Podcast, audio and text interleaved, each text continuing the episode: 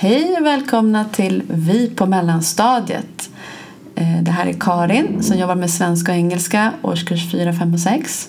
Och Carolina som arbetar i år 4 och undervisar i matematik, NO-ämnena och teknik. Och våran podd är egentligen våra kollegiala samtal som vi har tillsammans. Mm. För vi älskar de kollegiala samtalen. Mm. Vi tycker att det är där utveckling sker. Ja, Eh, och vi har ju jobbat på samma skola i flera år. Eh, har gått skilda vägar och jobbar nu på två helt olika skolor. Eh, och fortsätter våra spontana samtal som mm. inte har några svar utan egentligen slänger ut fler tankar men alltid känns otroligt utvecklande. Mm. Det här har blivit vårt forum för att kunna prata jobb tillsammans så att våra män inte ledsnar totalt på våra samtalsämnen hemma. Eller hur? Mm. Eller alla andra som inte orkar med att prata jobb hela tiden. Mm. Eh, när inte sms och telefon räcker till. Eh, och vi vill gärna att ni hänger med. Så det här är som att komma in i arbetsrummet och sätta er ner och delta i våra samtal. Mm. Och idag ska vi prata om IKT i skolan. Ja, IKT i skolan. Ett väldigt hett ämne faktiskt. Otroligt hett. Och jag vet vad det första jag, som jag får när jag tänker så här, IKT i skolan, det är nästan som man blir så lite frustrerad. Mm. Varför blir jag det? Man blir lite stressad för man vet inte riktigt vad som förväntas av en, tror jag. Eller jag blir det i alla fall. Ja, det kanske är det. Och så Men... undrar jag om jag gör tillräckligt. Ja, och så tror jag att det första jag tänker på, man säger så här, när man får en bild i huvudet, det första jag tänker på det är just den här frustrationen över teknik. Mm. Teknikfrustration är det första som kommer upp, inte allt det här roliga. Ja, nej men det är ju bland det hemskaste man kan råka ut för. Och sen så är det ju, jag brukar vara väldigt öppen med att säga att den värsta lektionen på året det är ju när man ska ta fram sina Chromebooks eller iPads eller lärplattor av något slag och de ska logga in på sina egna koder. Alltså du vet den här första ja, uppstartslektionen. Ja. Då är man ju nästan själlös efteråt. Mm. Gråtfärdig själv. Och jag har, jag har försökt på så många olika sätt, just det att dela ut olika koder. Mm. Jag hade också en sån lektion nu i veckan när jag mm. skulle logga in dem på ett ställe och du vet man tar första och så har man en liten lapp man säger till någon och just här nu får ni lite tålamod, ni får vänta eller ni kan gå in och göra det här så länge. Mm. Men de vill så gärna ha sina koder, de vill in på, det här, på den här sidan där vi ska jobba. Så de har ju inte det här tålamodet. Nej. Eh, och naturligtvis så skulle jag ha lagt upp det på ett helt annat sätt. Jag vet det kommer tillbaka till mig, jag skulle ha lagt upp det på ett annat sätt. Eh, men också man lägger ut en kod till någon och sen bara jag kommer inte in, Karin jag kommer inte in. Och just den frustrationen, så jag tror att någonstans så är det så fort man pratar IKT och eh, digitalisering så blir det någonstans att det här locket läggs lite framför på det här som inte funkar. Eller sladdar och... Ja, och det är alltid några lösenord som inte fungerar. Mm. Eller så är någon, någon lärplatta urladdad och vi har en, alltså i alla fall på min arbetsplats så finns det ingen bra struktur för hur vi ska ladda upp, vi använder Chromebooks, mm. när de här ska laddas. Okej, okay, så ja. det är svårt att veta att om de är laddade när de kommer till lektionen? Man har ingen aning. Det är jättefrustrerande. Och så har man ett vanligt klassrum där det finns kanske fyra uttag. Mm. Och så ska de sitta på golvet och... Just det, och snubbla över sladdar ja, och sådär. Ja, du vet det blir inte optimalt. Nej. Jag måste fundera lite över hur jag ska ordna det där för jag kan ju inte låta Chromebooksen ligga framme i klassrummet över natten. Det blir mm. ur säkerhetssynpunkt tänker jag. Mm. Nej, men det får man inte. De ska ju vara... låsas in och bara det är stress tycker jag i sig också. Det här att du har ansvar för alla de här värdefulla sakerna och det ska låsas och, eh, tas och laddas och det ska tas hand om. Eh, och sen ska någon annan låna allt det här en annan lektion. Det är fortfarande jag som är ansvarig. Mm. Det är en del stress runt den här tekniken. Ja, det, det finns ingen bra struktur för det, i alla fall inte på min arbetsplats och inte där vi arbetade förut heller.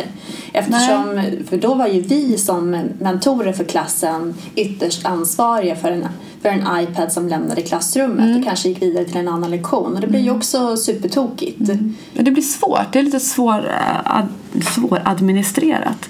Um, men Carolina, jag, jag, jag, tänker lite så här, det är ganska roligt när vi pratar, vi ska prata om IKT, ja. vi ska prata om digitalisering och så börjar vi med den här frustrationen. Ja. Eh, och då tänker jag lite på, nu tänker jag kasta mig rakt in faktiskt mm. i den boken som jag precis har tittat i. Just det, den verkade superspännande. Ja, vi har ju faktiskt en liten idol du och jag.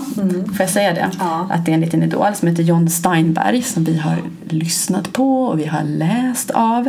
Tänk dig en middag med honom och sen kan man dö lycklig. Ja, eller hur? Bara få lyssna. Alltså han är... Jag kommer ihåg när vi satt, vi satt i matsalen, vi hade, när han kom till vår skola och vi lyssnade på honom.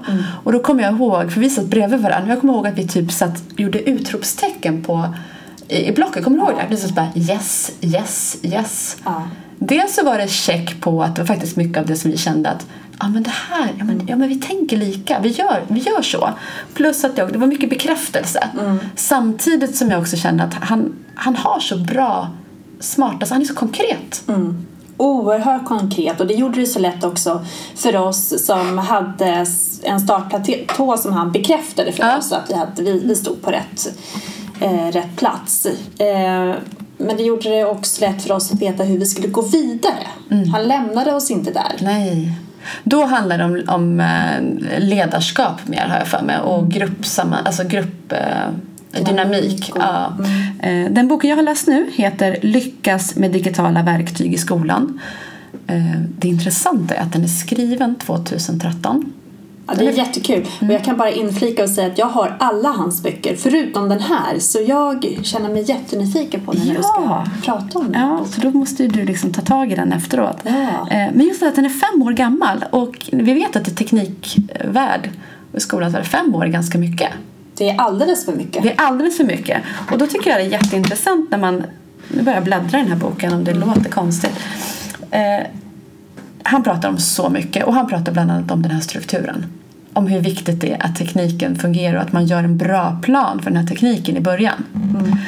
Med sin klass eller på skolan. På skolan. På skolan. Att det är det som, som det, liksom, det, det är väldigt mycket. Men ett nät som inte fungerar. Du måste liksom ha, det måste dimensioneras för att alla ska jobba digitalt. Om man ska liksom ha de här en till en till exempel.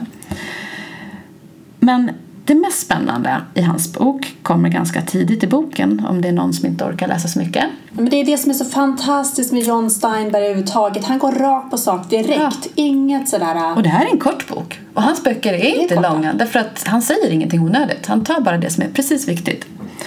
Och då pratar han om fyra nivåer av digitalisering och det här är så bra. För att den första utvecklingen, det här är inte han som har hittat på. Han säger att det här är en som heter Puenteduras. Ruben Puentedura. Okej. Ursäkta om jag inte uttalar det här rätt nu. Eh, och han har en modell som kallas för EUMO-modellen på svenska. Då. Och då pratar han om fyra nivåer av digitalisering. Och den första är lite grann kanske där som vi verkligen brottas hela tiden eh, på grund mycket av teknik och frustration. Men det är faktiskt bara den här ersättningsnivån. Så nummer ett. Ersätta. Ja. Och då betyder det i praktiken Att du använder datorn till att skriva på istället för att skriva med papper och penna. Exempelvis. Du ersätter det ena till det andra. man har tagit bort den här tvn som man rullar runt. Ja, Eller rullar exakt. in i ja. klassrummet. Och så har du liksom, så tar du och använder liksom media från nätet och kopplar ihop med Ja. projektorn. Vi använder inte pedagog längre. Pip! Kommer du ihåg det? Jättekul. Ja, det var steg Ja, men det är ersätta. Ja. Eh, och, det, och vad han säger här då det är att den här tekniken används för processer som var möjliga även innan den infördes.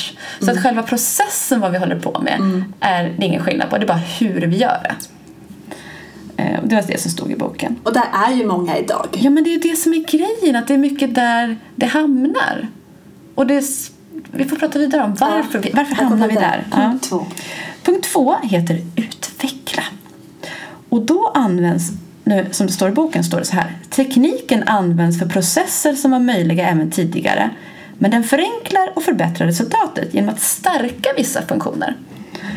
Och då tänker jag att om vi ska fortsätta bara prata basic i att skriva så tänker jag att det, du redigerade ju text. Jag kommer ihåg på gymnasiet när jag skrev texter för hand. Man hade tenta och skulle skriva. Och då måste man ju känna så här, åh gud jag måste lägga upp tiden så jag hinner renskriva. Och det är ju en funktion som då förbättras när du skriver på dator. Därför att du behöver ju inte skriva om hela texten när du renskriver. Nej. Utan du går ju in och redigerar och tar bort och klipper och sådär. Ja, en tekniken är ju väldigt fördelaktig när det gäller att komma till det här med skrivprocessen. Mm, fantastiskt, det finns så många funktioner som det förbättrar. Och det är samma sak med, med respons som eleverna ska göra på varandra. Det är klart man kan göra det på papper utan teknik. Men här är också det, det är en utveckling. Det är enklare att dela dokumenten, visa varandra. Där är väl liksom utvecklingsgrejen. Och där är vi väl också. Där är många som är, man pratar med människor. Om, om du är hemma med tekniken i Google till exempel så är du där. Och när du säger Google då pratar du om GSUT, tidigare Google for Education. Ja, Och då, då är det ofta skolan som har köpt in sig Ja. på den här och jag har förstått nu att det finns en sån här Microsoft också. Det verkar också jättespännande, det här med OneNote. Ja. Kan jag inte, men Nej, men det är lite samma lika ja, jag säkert. tror det att finns något liknande. och man Mm, kan, och man kan dela på något sätt. man kan dela med varandra och ofta så kan du som pedagog se realtid vad Mm. eleverna skriver och ge feedback. Fantastiska funktioner som verkligen hjälper till på ett enkelt sätt att hjälpa de här processerna jättebra. Så det, det är inget fel på alltså, Nej. Men, utan det här är ju bara ett liksom, progressionssteg då, hur vi använder tekniken. Grejen är bara det att om vi stannar där, då är vi bara på en sån här förbättring. Vi har ju liksom inte riktigt gått in i kanske allt vi kan göra och hela det här nya lärandet som är i den här världen av den här digitala världen. Och det har jag känt en så stor frustration till så himla länge att man bara Kom igen nu alla lärare, ni har fått lärplattor till, till undervisningen en till en eller om det kanske är ett, vad säger man, två till en. Ja men eller hur? Ja, Vilka liksom, appar ska vi använda? Ja, vad, ut och lek, lär er. Ja. Och då känner man bara att ja, men man kan ju lära sig till en viss del själv. Mm. Men då ska man också sitta där och uppfinna hjulet igen. Och så nyttjar man inte den fulla potentialen hos en Chromebook eller en surfplatta. Nej. För man inte vet. Och hur mycket tid ska man ägna åt en, en sak när man har undervisningen som också ska utvecklas. Alltså det blir väldigt mycket som man ska Ja, göra. och det är ju det som är grejen. Att ut, undervisningen måste ju utvecklas med hjälp av de här verktygen. Ja. Och då måste vi verkligen veta hur använder vi de här verktygen. För att i våra samtal med varandra så hamnar, tycker jag, ofta samtalen i vilken app använder du? Ja, vilken rolig app det där verkar vara. Eller vilken rolig sida. Den måste jag också testa. Jag känner så här, ja men hur ska vi använda den här Mm. sidan? Hur hjälper den eleverna i det här lärandet som ska ske? Där skulle man ju behöva mer ledning. Ja. Alltså skolan generellt sett. Sen finns det säkert skolor som redan är där. Absolut. Jag tänker till exempel att, att eh, ja, men vi, behöver ju, vi behöver ju verkligen det här kollegiala lärandet där. Att vi samtalar, att vi får tid till samtal. Och där kanske det här digitaliseringslyftet hjälper till jättemycket. Ja, det vet vi ju inte. Men däremot så kan jag säga, för, för jag skrev ju mitt examensarbete här under våren och då pratade jag lite om digitala läromedel i mitt arbete. Och, eh, och då fick jag bekräftat att den här frustrationen var så på den ligger på nationell nivå i att man inte känner att man får rätt ledning i hur man ska använda eh, digitala verktyg i undervisningen. De finns där, men hur ska man använda dem på Ja. bästa sätt? Det, får, det, det forumet får inte lärare. Nej. Det, det ska bara, precis som att man föddes med den kunskapen. Ja men exakt, exakt. Eh, Men tillbaka till Ja, här. till, den- till den här listan då. För det var ju nummer två. Det, var, det tog ju inte slut där. Utan sen kom ju de här intressanta. Från förbättring till transformation. Det är nu det händer liksom. Wow. Och på steg nummer tre heter det modifiera. För det är ju nu vi ska använda de här verktygen för att utforma lärprocesserna. Och då står det i boken här, citat, lärprocesserna börjar utformas på ett nytt sätt genom tillgången till teknik. Du börjar alltså titta på hur kan jag eh, vad är det för lärprocesser jag kan ge barnen genom att integrera de här olika verktygen? Mm, Och då måste, jag ju, då måste jag ju veta vilken sida på nätet jag använder, vilket verktyg, vilken app jag använder och varför. Vad ska den tillföra? Vad ska den ge barnen? Ja, men precis. Ja. Och den sista, den heter omdefiniera. Tekniken används, här är citat igen. Tekniken används för att skapa nya arbetsuppgifter som tidigare var omöjliga. Och det där är ju jätteintressant för att på vår tidigare arbetsplats så hade vi ju en föreläsare som kom och bara snabbt presenterade just det här nya arbetsuppgifter som man kunde göra för att eleverna som på grund av olika skäl inte kunde prestera eller visa sina förmågor mm, på det. det. traditionella viset. Ja. Och då visade den här föreläsaren eh, kanske att man skrev en sång eller med hjälp av någon dans eller mm. vad tusan nu var. Det lät ju helt fantastiskt. Mm. Och det kändes så långt borta ifrån mig. Mm. Hur ska jag kunna säga till en elev, men skriv en sång om eh, evolutionsutvecklingen? Nej, men liksom, Jo, för att samtidigt som, som vi då ska, för vi måste ju känna oss hemma med tekniken, vi måste känna oss hemma med hur vi ska integrera det här. För att en annan frustration som gör att vi hamnar lite grann nere på ettan det är att eleverna behärskar inte den här tekniken. De är väldigt duktiga på, på spel. Mm. De, och det är så vi brukar säga så mycket som de hänger på de här plattorna, så mycket som de hänger på mobiler och datorer eh, och har inloggningar till höger och vänster. Men skolans inloggning, den håller de aldrig reda på. De vet Nej. aldrig vilket lösenord som är deras eller hur de ska komma in eller var ska jag trycka nu, var ska jag trycka nu? Mm. Ja, min, min eh, slutanalys av det där, min egen hemanalys kanske jag ska kalla det mer för, det är att de saknar IT allmänbildning, barnen. Ja, de, ja det, det stämmer nog. Ja. De kan spela, de är skitduktiga mm. på det. Men att veta vad en webbläsare är och skriva in webbadressen. Och... De vet inte hur det fungerar. Nej. Eller bara att det kommer upp en liten informationsruta att du ska tillåta cookies. Eller ja. vill du ha en rundtur på den här nya hemsidan där man kanske för första gången loggar in. Då är det liksom, ah, de säger någonting till mig här, vad ska jag trycka? Ja, eller hur. Och då är vi tillbaka till det här som jag tror att vi många gånger har varit frustrerade över. Barn och instruktioner. Mm. Det här att ta till sig en instruktion. Mm. Vad Läs står? vad det står.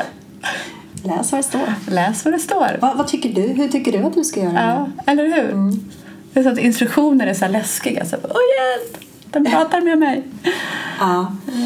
Men, men här, sen, sen tar ju den här boken då upp flera exempel på det här. Och nu kan inte jag sitta och läsa den här boken högt utan det får vi ju ha på, på inläsningstjänst tänkte jag säga. men om man nu vill lyssna på ja. det. Men, alltså, vill man bara ha en allmän lite input och bara jag vet inte vad jag ska säga. För han fortsätter prata om, om, om strukturen, fortsätter prata om ledarskapet i det här. Jag känner ändå att det här var en väldigt bra bok. Den ska jag köpa. Lyckas jag är med digitala verktyg i skolan. pedagog på min nya skola så att, eh, där kanske jag måste... Ja, men den måste du nog ha kan jag tänka mig. Jag tror att du måste ha den. Det tror jag också. Okej, okay. vilket steg är du på? ett, två, tre eller fyra när du jag är definitivt på steg två, men jag pendlar, pendlar kanske lite mellan steg två och tre. Mm. Att jag, jag håller på att liksom utforska ja. vilka lärprocesser jag kan sätta i rullning med hjälp av IKT. Mm.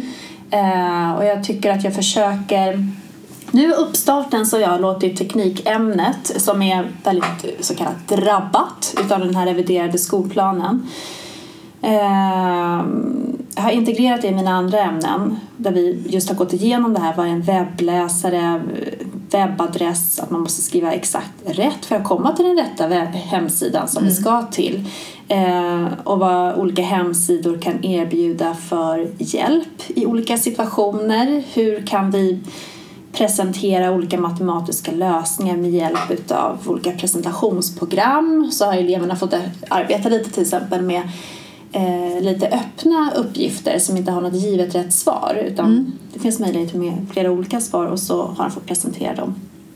Och då finns det olika presentationsprogram till mm. exempel. Så det har vi arbetat mycket med nu och då tycker jag att då är man ju där lite grann och nosar på det här med olika typer av lärprocesser. Mm. Vad kan vara mig behjälpligt i olika situationer? Mm. Alltså utifrån eleven. Ja. Vart är du någonstans? Men jag tror att jag är lite på samma, eh, två och tre.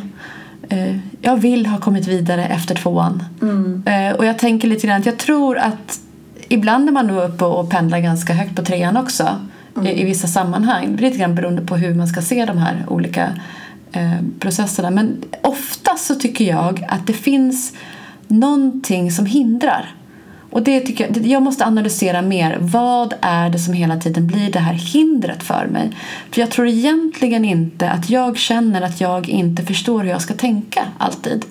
Utan jag känner lite grann att det finns andra hinder runt omkring. Tänker du att du skulle vilja ha hjälp med att tänka? Nej, inte tänket. Jag tror mer att jag vill ha hjälp med att allting annat ska rulla. Som att iPad som fungerar. Mm, och är laddade. och är laddade. Du har internet, nätverk. Ja, att, att nätet fungerar. Mm. Eh, att, att det är solklart hur vi får publicera om vi nu ska nå ut till andra, om vi ska få Mm. riktiga liksom, mottagare. Eh, med den här nya GDPR. Nej, Ja. GDPR. Ja, men jag vågar inte ens säga det. Men du vet, den här personuppgiftslagen. Eh, så känner jag liksom att det var inte ens självklart vad vi kan ge ut för lappar om det överhuvudtaget gäller att vi sätter så här, får ditt barn vara med och bli publicerat hitan och ditan. För att det kan vara så att de kan dra tillbaka sitt tillstånd när som helst och då ska jag söka efter den här grejen som kan ha spridit sig och ta bort den från nätet. Och det, det, naturligtvis, jag kan göra massor med grejer där barnen inte behöver synas och identifieras men jag tänker också att det är många grejer också som skulle vara, som jag har idéer om skulle vara så fantastiska. Där de skulle kunna eh, finnas mer utåt, så att säga. Mm. Med varandra. Jag blir, lite, jag blir lite rädd. Om man säger så här. Jag blir lite rädd över att låta barnen finnas på, på nätet utan alias. Liksom. Mm. Och det är ju så, har du någon gång hamnat på nätet så kommer du ju inte bort Nej. därifrån. Nej. Man vill ju inte stå ansvarig för... Och där kan jag känna att jag, jag tittar ju ganska mycket, vi hänger ju ganska mycket på sociala medier och jag kan ju tycka att där är ju den bästa källan egentligen. Instagram och, och Facebook och bloggar och så, där har du den bästa källan till eh, utveckling digitalt. Eftersom... För din egen del. Ja, för min egen, jag, menar, jag, jag tänker liksom att där får man ju massor med input över hur andra jobbar och hur, när de försöker komma vidare till steg tre, fyra eh, i den här eh, processen. Och många gånger känner jag så här, men hallå, ni har ju värsta filmerna på er hemsida på er skola och alla barnen syns. Och, och jag känner så här, har ni fått tillstånd av alla de här barnen och hur gick det till? När jag känner att det alltid är så här, nej, vet inte riktigt hur vi kan göra. Och det, det, jag kan hålla med dig, jag känner likadant men det grundar sig nog i en osäkerhet hos oss. Ja, Vi har ju en okunskap här. Ja. Vi har en kunskapslucka att fylla här Karin. aj då. Aj då, vad jobbigt. Ja, det är lite jobbigt. Får vi, ta, vi kan få det i läxa till nästa Du menar gång. att vi ska sitta här och tänka att jag kan inte det här? Nej, det var inte så vi skulle tänka. Nej. Dynamiskt tankesätt. Vi måste lära oss. Vi måste Det här lära är ett oss. utvecklingsområde. Men säg någonting som du har gjort, någonting riktigt bra. Det har blivit så bra lärprocesser med hjälp av IKT. Oj. Med hjälp av IKT. Eh, Jag tycker att IKT är jättebra i dokumentationssyfte vilket är en ganska stor del i NO-ämnena att de ska dokumentera. Det finns faktiskt väldigt bra verktyg i, inom ehm, i alla fall just det här var, fallet var det iPads. Det finns digitaliserade mätinstrument som man annars har kanske i fysisk form i, kopplat till någon NO-rum, att man ska mäta ljud till exempel. Eh, det finns digitaliserat jättebra. Då eh, använder man ju det. Jag vet en annan grej som du har gjort. Vad? Ja, men alltså, jag, jag tycker det är så roligt för att när vi jobbade förut, det, det fantastiska med den skolan vi jobbade på tycker jag var lite grann den här miljön. Att vi hade klassrum och så hade vi ett stort eh, utrymme utanför som vi sa var det förlängda klassrummet. Eh, och när det fungerade med barnen, när de satt ute och jobbade så var det så fantastiskt att gå där i miljön att man får en inblick i vad andra klasser gjorde. Mm. Eh, Och det har också gjort att vi har kunnat, alltså vi inte har jobbat med samma elevgrupper. Vi har kunnat se lite vad, liksom mitt i vad, vad den andra har gjort. Ja, men alltså, du måste ju berätta om programmeringen i kemi. Just det! Men gud, hur kunde jag glömma, glömma Ja, men jag glömmer inte det för jag tycker att det är, jag tycker där känner jag att du tar den här grejen till att använda en teknik. Nu får du berätta. Ja men så Det här var det ju. lärande. Det var, eh, var ju så fantastiskt för att i den kommunen vi arbetade med så hade man någonting som kallas för pedagogcentrum. Och dit kunde man gå och låna material i form av nya böcker som man ville kolla på. Det fanns olika spel, det fanns också olika robotar man kunde liksom låna under en begränsad tid. Och då gick jag dit och lånade först eh, Bluebot som är som en liten jättegullig, ser ut som en nyckelpiga i robotform som är ganska stor. Så den här nyckelpigan gick 15 centimeter eh, för varje klick som man klickade framåt. Jag klickade att den skulle gå framåt. Och det här använde vi till för att eleverna skulle lära sig att förstå hur man kan räkna ut omkretsen på olika figurer som de hade fått rita själva. Och även eh, Arian fick de, där, fick de använda sig av de här bluebotsen. De ska, gjorde stora eh, rutor som de här eh, bluebotsen kunde gå i och skapade egna figurer då. då. Det var jättebra. Och sen fick jag låna Sweros som är en rund boll som man styr och man kan lägga in en programmering då så att den eh, åker på ett visst sätt. Och de kan vara i olika färger och väldigt, väldigt fina. Och de här använde vi, använde vi när vi hade kemi och de skulle lära sig de här olika aggregationsformerna, alltså fast, flytande och gasform, hur molekylerna rör sig. Och då var man var väl två och två på en sån här Swero. Och så, skulle de, så sa jag typ så här, nu ska vi vara i fast form och då klumpades alla de här bollarna ihop. Och så sa jag gasform och då bara gled de isär och sen skulle det vara i flytande form. Då skulle de ju börja ligga närmare varandra och röra sig lite grann. Mm. Och banne mig, varenda unge kunde det där sen. De visste precis hur molekylerna rörde sig utifrån vilken, eh, vilken aggregationsform som ett ämne hade. Och det, det är ju här där man använder, man integrerar den här nya tekniken till ett, ett lärande Mm. på ett sätt som inte var möjligt men också att göra liksom en ny process. Mm. Man bruk, det finns ju någonting som kallas för typ partikeldansen någonting, någonting sånt där. Man gör likadant fast Ja, de är partiklarna själva Ja. eller molekylerna själva och så dansar man och man står nära och går långt bort. Men nu gjorde vi istället med programmering. Eh, och det var jättekul. Det var väldigt, väldigt uppskattat. Och de där kan man ju också använda i geometri när man ska göra olika eh, grader och vinklar och, och så.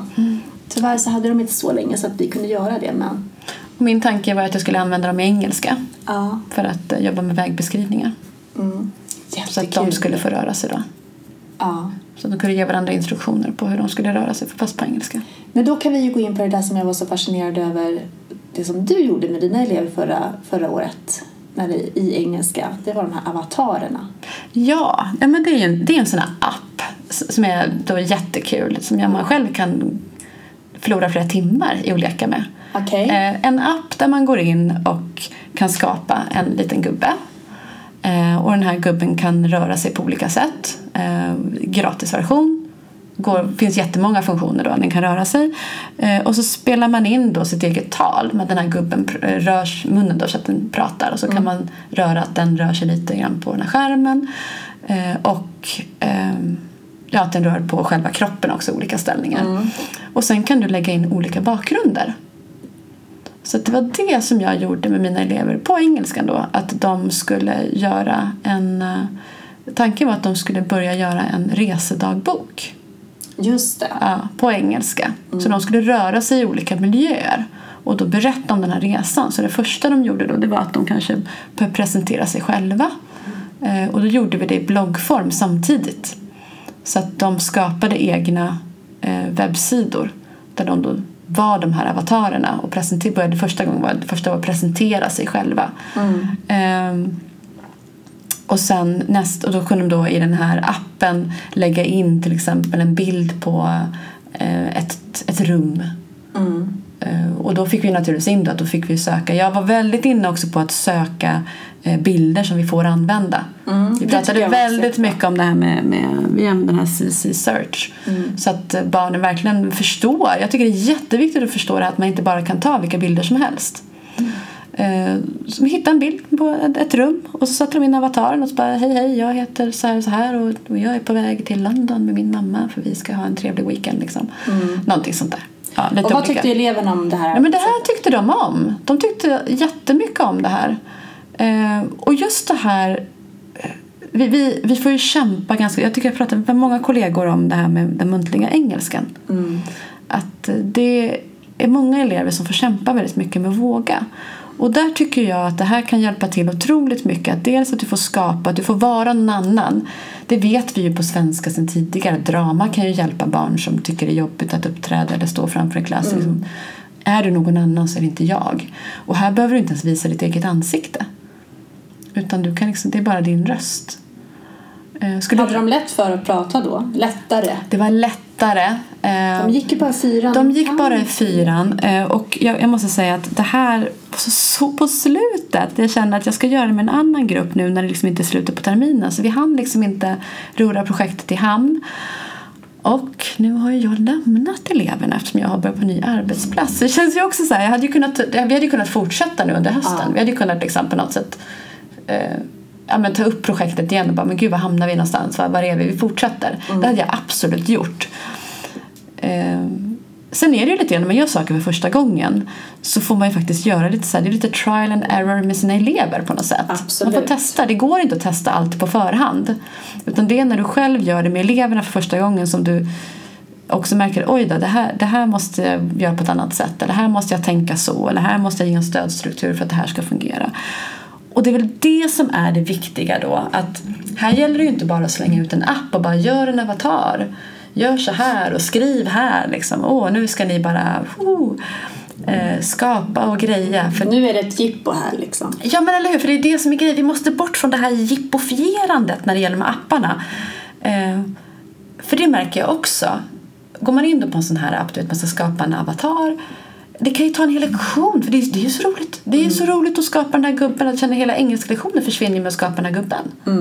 Så att du måste ju ha ett, en otrolig tydlighet och där måste jag också lära mig hur jag ska göra den här otroliga tydligheten i de här uppgifterna för att det snabbt ska komma till Själva lärandet. Ja, lärandet i det här. Lärandet står i fokus. Mm. Och då kommer vi in lite på det här med jippofierandet som du sa nu. Att, Åh, jag är så allergisk där- mot det. Ja, och tyvärr så har den digitala kompetensen ibland fått alldeles, eller tagit alldeles för stor riktning mot själva programmeringen. Mm, det har den. Och vi eh, har haft flera vi, typ kompetensdagar, kompetensutvecklingsdagar där vi har fått lära oss att programmera. Och det är jättekul, verkligen. Och det blir som ett jippo. Ett lektionsjippo. Ja, Vi måste prata mer om att få in... Alltså det handlar om det här datalogiska tänkandet. Och för mig som inte ens har teknik eller matematik så kan jag känna att det är ett språk. Men jag känner mig jätteutanför. För det enda man pratar om är programmering istället för det här med tänkandet och språket. Och hur det ska användas i undervisningen. Och där tror jag också att det är inte något som ska komma och tala om för oss. Så här ska du göra. Utan det är här vi också måste få tiden. Ah, det här är ju spännande. Det här är ju superviktigt. Och vad står den här programmeringen för? Och hur ska vi jobba i alla ämnen? Men då blir det där igen. Det ska blinka och det ska vara små robotar och det ska vara... Det ska vara spel. Ja, ja men eller hur? Ja, och sen bara, ja men du kan göra det här i svenska, du kan göra instruktioner och du kan göra det. Ja, absolut. Och jag gjorde det med mina elever. Eh, dels att prata instruktioner, jag eh, skrev symboler på tavlan. Vi hade, vi hade nämligen lite kritiska moment i vårt klassrum. Det var väldigt svårt att, att byta eh, arbetsmoment, det var svårt att hämta sina saker utan att det tog liksom en kvart. Ja. Ja. Så då gjorde vi det till en liten programmeringsgrej. Eh, Det gjorde jag med dem. ja, det är ju bra. Ja, nej men det här att första, första instruktionen är liksom ställ dig upp, andra instruktionen är gå till din låda, tredje ta upp den här boken, fjärde och så gjorde jag symboler på tavlan och så pekade jag liksom och så att det hela tiden skulle vara i tystnad. Eh, och då blev det som en lek och så pratade vi då om att det faktiskt är att nu har jag programmerat er att göra precis de här stegen. Eh, det, det, det var lite bra både för mig och jag vet inte om det var bra för eleverna. För eleverna var det jättebra för att helt plötsligt gick det ju jättebra. Då fick jag ju fatt med kritiska momenten att det funkade. Men jag, det var bra för mig också att se att ja, det är det här vi måste få in det naturligt på något sätt i. Ja, precis. Men det, det kan du inte göra hela tiden. Utan det här var ju det här var en specifik grej och man kan göra det annars med instruktioner. Men jag tänker att vi måste prata om hur det ska göras. Ja, men det, det som, ja, vi har ju fattat liksom att man vill ju att, att eleverna ska få en förståelse för vad programmering är och hur det fungerar, hur det finns i vårt samhälle. Och, Och det är ju viktigt. Det är ju det, och det är ju faktiskt det som kanske är syftet med den här programmeringen. Jo, det är klart att det är. Och det hade väl varit jättekul om man hade gjort ett litet ämnesöverskridande arbete, att man håller på att program programmera fram kanske en film. För det kan, finns det ju olika programmeringsverktyg som man kan göra. Att man kan då göra en berättelse Ja. utifrån en programmerad sketch eller så. Och då kommer vi in lite på det här med ämnesöverskridande arbete. Mm. Ja. Eh, och då kan vi komma in igen på John Steinberg, vår lilla idol här. Igen den här boken, för vad han pratar där också mycket om det är ju faktiskt strukturerna i skolan. Eh, bara schemat är ju en struktur. Hur, hur vi vuxna möts och i vilka konstellationer vi möts men även schemat och ämnesuppdelningen. Och att det faktiskt också ligger till grund lite för vår pedagogik och hur vi undervisar. Och då, för att måste vi ska komma till steg fyra, mm, då kanske vi måste vad hette steg fyra nu igen? Eh, steg fyra var, det var inte modifiera. Men Nej, det var steg tänk att jag tappat det direkt. Här. Omdefiniera. Ja, för då ska vi börja göra om arbetsuppgifterna. Ja, och då måste vi också, då kanske vi inte kan vara kvar. Vi kanske inte kan ha en skola som ser ut som den har sett ut. Om vi ska göra en sån här omdefiniering av arbetsuppgifter. Tänker att man ska arbeta mer projektinriktat. Ja, Det vore väl kanske något. Mm. För du sa att det behöver man inte vara begränsad till de här 40 minuter engelska Nej. på onsdag. nej. Utan då kan man arbeta mer... Men det, det kräver en helt annan organisation. Och jag tror att eh, vi vet ju, vi har ju hört att det finns skolor, det finns kollegor ute i landet som är jätteduktiga på ämnesöverskridande projekt och skolor som har satsat på att jobba ämnesintegrerat med olika ämnen. Eh, men jag tror ju inte att de har gjort det genom att allt bara lunkar på som vanligt utan vad har de gjort för att få det att fungera? Vilka forum har de? Ja, vilka forum har de och hur samarbetar de? Eller har de bara råkat hitta varandra som tänker exakt lika så de behöver knappt samarbeta för de bara, det bara funkar liksom. För det är ju det, vi, vi måste ju verkligen ha samma syn. Det vet vi när vi ska jobba i projekt. Det tar ju lång tid att bara hitta den här grund... Precis. Men i slutändan så vinner man otroligt mycket på det. Det är Det ju är det viktigt för eleverna att förstå att allting hänger ihop. Och det kanske är lättare att ta tag i deras tankar och funderingar eh, på ett sätt om det går vidare. Mm. Samtidigt som det finns diskussioner om att det är viktigt för eleverna att förstå vilk, vad som tillhör vilket ämne. För jag vet att det finns ju lite problem i SO och NO-ämnena. Att eleverna kanske inte riktigt förstår vad samhällskunskap är. Nej. De förstår inte vad, vad det är för kunskap som går kopplat till just samhällskunskapsämnet. Ja. Utan det är så, det är SO. Mm. Ja, det kan vara svårt. Så att, eh, ja. Å andra sidan blir det ju låsningar också. Jag vet att när jag gjorde nu i svenska, det var ju inte digitalt, eh, det har ju inte med IKT att göra, men jag tänker med ämnen att göra, så läste vi en, en text, för vi höll på med text, eh, textläsning, textgenomgång, lässtrategier. Eh, och då hade vi valt en text som handlade om valet. Mm. Och då var ju några av mina elever så här, varför gör vi det här? Det här är ju inte SO. Vi har ju svenska nu. ja. Och då, då har vi det här, liksom, den här uppdelningen att de särskiljer liksom på Mm. Då förklarade jag för dem naturligtvis då att det handlade om att, att läsa och förstå texter och då spelar det faktiskt inte det någon roll på svenskan vad innehållet är just i alla sammanhang. Och att det här kan hjälpa dem i andra ämnen. Ja, men precis, och det är ju gammal tradition att varje ämne har sitt Mm. uppdrag. Ja men eller hur. Och det är lite tråkigt. Och ibland så kan det också betyda att man gör samma sak två gånger. Jag vet att eh, konstruktion är en del av teknikämnets eh, centrala innehåll. Att man ska arbeta med konstruktioner. Och så eh, gjorde vi det i tekniken och sen visade det sig att man byggde broar på bilden också. Mm. Det var ju så dumt. Ja, Då gjorde vi nästan samma sak två gånger. ja. Utan att beröra liksom de olika Ja, delarna i det. precis. Ja. Och det är så många gånger tycker jag när man pratar med kollegor som håller på med roliga saker. Man bara, Ja. åh men gud. Men Om jag på bara det där? vetat. Ja, då hade jag bara dragit in de här sakerna. Så vi, vi måste bli bättre på det. Vi måste hitta bra forum på det. Men jag tror inte att det bara ligger på lärarna. Nej, Eh, det för är vi en har en organisatorisk fråga. Men jag tänkte, innan vi eh, satte igång idag så pratade vi lite grann på vad skolan generellt faktiskt är ganska bra på idag när det gäller den här processen. Och det tycker jag är ganska viktigt att lyfta Processen ändå. alltså, genom att använda digitala eller att utveckla en digital kompetens Mm. hos eleverna. Ja. Var, var, var står vi nu? Liksom? Vad, vad ser vi generellt? Och nu vet vi alltid att det är väldigt det är individuella skillnader. Men om vi ska se vad, generellt, vad, vad ser vi? Men framförallt så tycker jag att skrivprocessen i skolan har blivit mycket, mycket bättre i och med att man använder digitala tjänster eller bara s- olika skrivverktyg som är kopplade till datorer, lärplattor, eh, Chromebooks.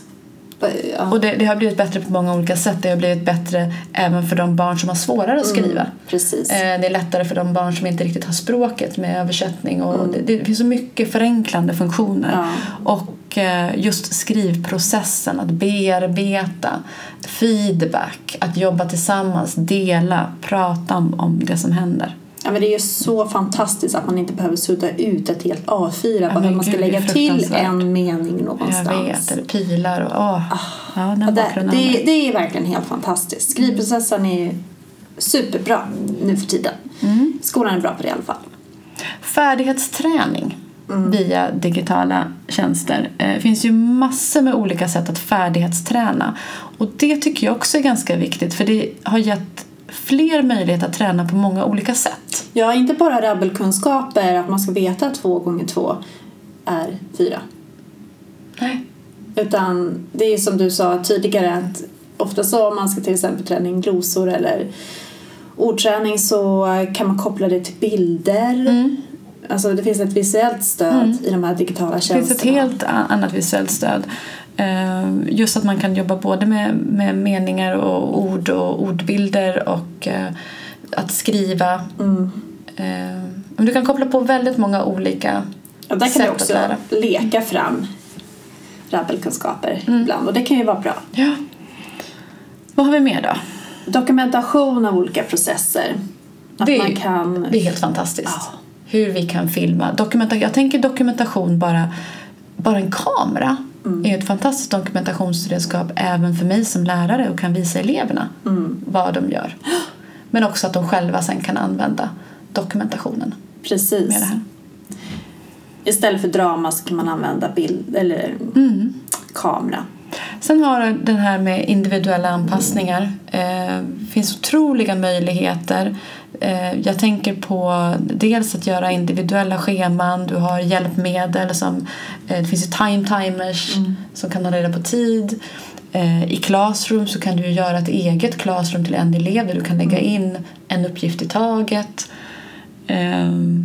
Att göra muntligt istället för skriftligt. Spela in om du inte vill stå och prata inför någon. Det finns otroligt Ja. mycket, alltså massor med annat. Att kombinera bild och text blir väldigt enkelt, det blir naturligt. Mm, det är väldigt lätt att få tag på bilder. Men Ja. där gäller det också det här igen då, källkritik och att veta vilka bilder man får ta. Och sen det här fantastiska att man kan väva in olika medier och undervisningen, att man snabbt får in olika beröringspunkter. Pratar man om eh, Kim Jong-Un av någon anledning så kan man visa en bild på honom väldigt Ja, snabbt. Exakt. Och visar du någonting, är det någonting ni läser om eller pratar om och så kommer ni till något eh, begrepp som är svårbegripligt Mm. eller någonting som är konkret i alla fall som finns en bild på kan man snabbt söka. Det är en sån här jag menar. Ja, vad är en harpa? Ja, och då kan man visa det och så säger barnen aha och då har de en helt annan förståelse. Särskilt för lärare som jag som eh, inte kan rita. Ja. Men det blir väldigt lätt här med informationssökningen. Ja. Vi kan snabbt lära dem hur man tar reda på saker. Ja, och eleverna kan också själva ibland, för att ibland kan man ju göra det att eh, någon som undrar någonting bara, men du vet du vad, då får du i uppdrag att ta reda på det. Och så gör de det ganska snabbt och så kan de berätta och så kan Eh, och jag tycker det är väldigt roligt med frågor som jag inte kan svara på, som eleverna snabbt kan ta reda på, så kan de berätta för mig och klassen. Precis. Ja, och sen har vi... Det finns naturligtvis mer väldigt bra saker eh, s- s- som vi gör. Men vart är det vi behöver komma generellt? Och nu pratar vi inte om de här som har lyckats komma till de här, det här fjärde steget. Nej. Utan hur ska skolan i Sverige generellt nu, för att nu, tror jag, alltså nu finns det datorer, nu finns det lärplattor ute på skolorna. Många i alla fall. De allra flesta har Många, det. många, många ställen finns det det. Används de i sin fulla potential utifrån vår Lgr 11 och vårt lärande mot den framtid som vi står inför? Antagligen inte eftersom vi har det här digitaliseringslyftet som Skolverket har nu. Mm. Moduler för Mm. Kollegialt, jag vet inte, att man kollegialt utvecklas. Ja, Ja. ja. och att det då har de ju tagit goda exempel. Och Ja. precis som läslyft, det är precis som läslyftet, matematiklyftet. Ja, exakt. Jobbar på samma sätt. Men det är ju inte alla skolor som använder sig av det. Nej. Men du kan gå in på Skolverket och gå in på dem eh, på digitaliseringslyftet om du är intresserad, eller hur? Mm. Visst kan man göra det, men jag tycker att ehm, det behövs en tydligare ledning uppifrån för hur vi kan utveckla digital, den digitala kompetensen i klassrummet. Vi skulle behöva mer samtal om det här för att lärarna ska kunna få en fortbildning i hur man kan nyttja de digitala verktygen till 100 procent. För jag tror att det finns oanade krafter i de här. Och det kommer ställas höga krav på våra elever när de en dag blir vuxna och ska ut i arbetslivet. Och jag tror att skolan måste börja lyfta projekt som görs på skolan. Eh, vi måste börja prata i våra planeringar, när vi planerar för ett lärande, att vi pratar om hur vi integrerar den här, eh, de här digitala lärandet i våra planeringar. Inte vilken hemsida vi ska jobba på eller att vi har digitala läromedel. Nu har vi inte pratat så mycket om digitala läromedel men jag känner att skolorna har nästan fastnat där på samma sätt som man pratar om tryckta läromedel. Det, det, det blir inte bättre bara för att de finns på en lärplatta. Nej, och det som är de digitala lär, läromedlen, de tycker inte jag är så duktiga på att individanpassa. Nej. De är inte så duktiga på att ge en bra feedback till eleverna utan det måste ju du fortfarande gå in som lärare och göra. Eh, och alltså, de har sina fördelar men än så länge så väger inte de mot nackdelarna. Och jag tycker att det finns alldeles för lite forskning kring ehm, det här med att läsa på skärm. Mm, och Det finns forskning. forskning som finns och det, och det finns faktiskt en, en del forskning som, som säger att vi ska inte bara låta eleverna läsa på lärplatt för att den, lärandet blir bättre när de också taktilt håller i en bok. Ja, och det betyder ju då att läsförståelsen blir bättre. Japp. Man har också sett att arbetsminnet är, blir, förbättras när man läser i en fysisk bok. Så därför blir det för mig i alla fall, tänker jag, väldigt menlöst att titta på en mattebok på en skärm och sen skriva av den. För ofta så kan man inte skriva i direkt i, eh, i läromedel per, på plattan eller eh, datorn eller vad man nu använder. Och så är det inte heller självrättande. Nej. Alltså vad... Så det, här, det är de här diskussionerna som måste föras mycket, mycket mer. Vi måste få tid att prata med varandra om vilka lärprocesser vi ska jobba med. Inte bara det här, åh gud vilken app använder du till det här och har du några roliga matteappar jag kan använda Ja. eller någonting för skrivande. Där vi måste prata mer om hur vi integrerar i undervisningen på ett bra sätt. Precis. Eh, Och det jag tänker med de här digitala läromedlen, de är ju inte utvecklande rent lärprocessmässigt. Nej, nej. Arbetsuppgifterna i sig är Ja. inte något nytt. Nej. Det, det kan vara en väldigt bra bas. Det finns väldigt mycket information att hämta och det kan vara lätt för dig som lärare att hitta bra olika typer av medier och ge till eleverna. Mm. Ja. Och sen får du också, som jag också känner att faktiskt hör ibland om att det nästan blir mer sådär självständigt arbete. Mm, och det är skönt. Eller hur? Ja men, eller, ja, ja, men det är ju det är Ja. jättehemskt. För då ska eleverna sitta där med en lärplatta och hörlurar och sen, ja det var den lektionen.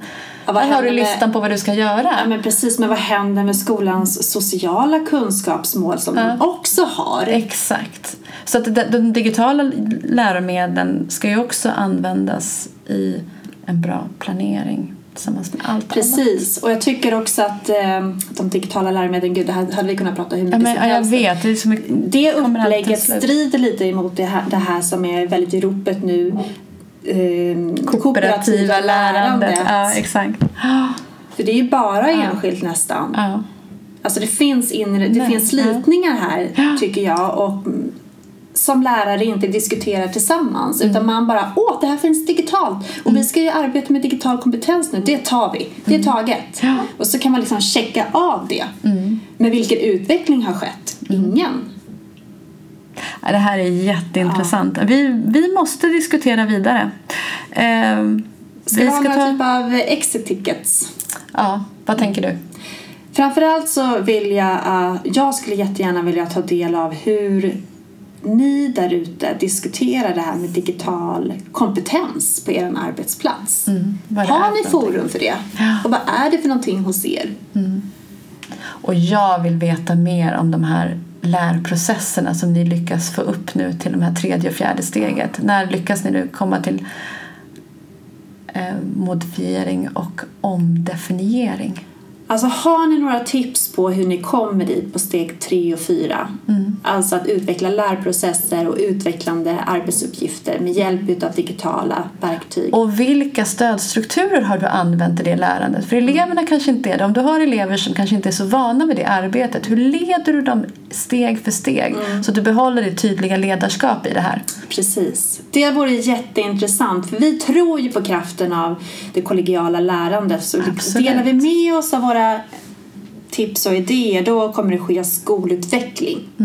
Och vet du vad Carolina, redan nu har det skett en utveckling. För jag har en idé. Du och jag ska samarbeta Jaha, vad då tänker du? mm, med våra elever. Vi ska upp på steg tre och fyra. Och vi ska använda våra klasser Gud vad i ett spännande. samarbetsprojekt. Men det ska vi inte prata om nu utan det får ni följa via andra medier. Ja, när vi vet vad det är för något. Det vet vi Ja. när vi pratat. Tack så jättemycket för att ni har lyssnat. Hoppas att ni går in på vår Instagram, vi på mellanstadiet, vår Facebookgrupp, vi på mellanstadiet eller på vår blogg, vi på mellanstadiet och dela med er. Snälla, gör det. Så ses vi nästa gång. Det gör vi. Ha det gott. Hej då. Hej då.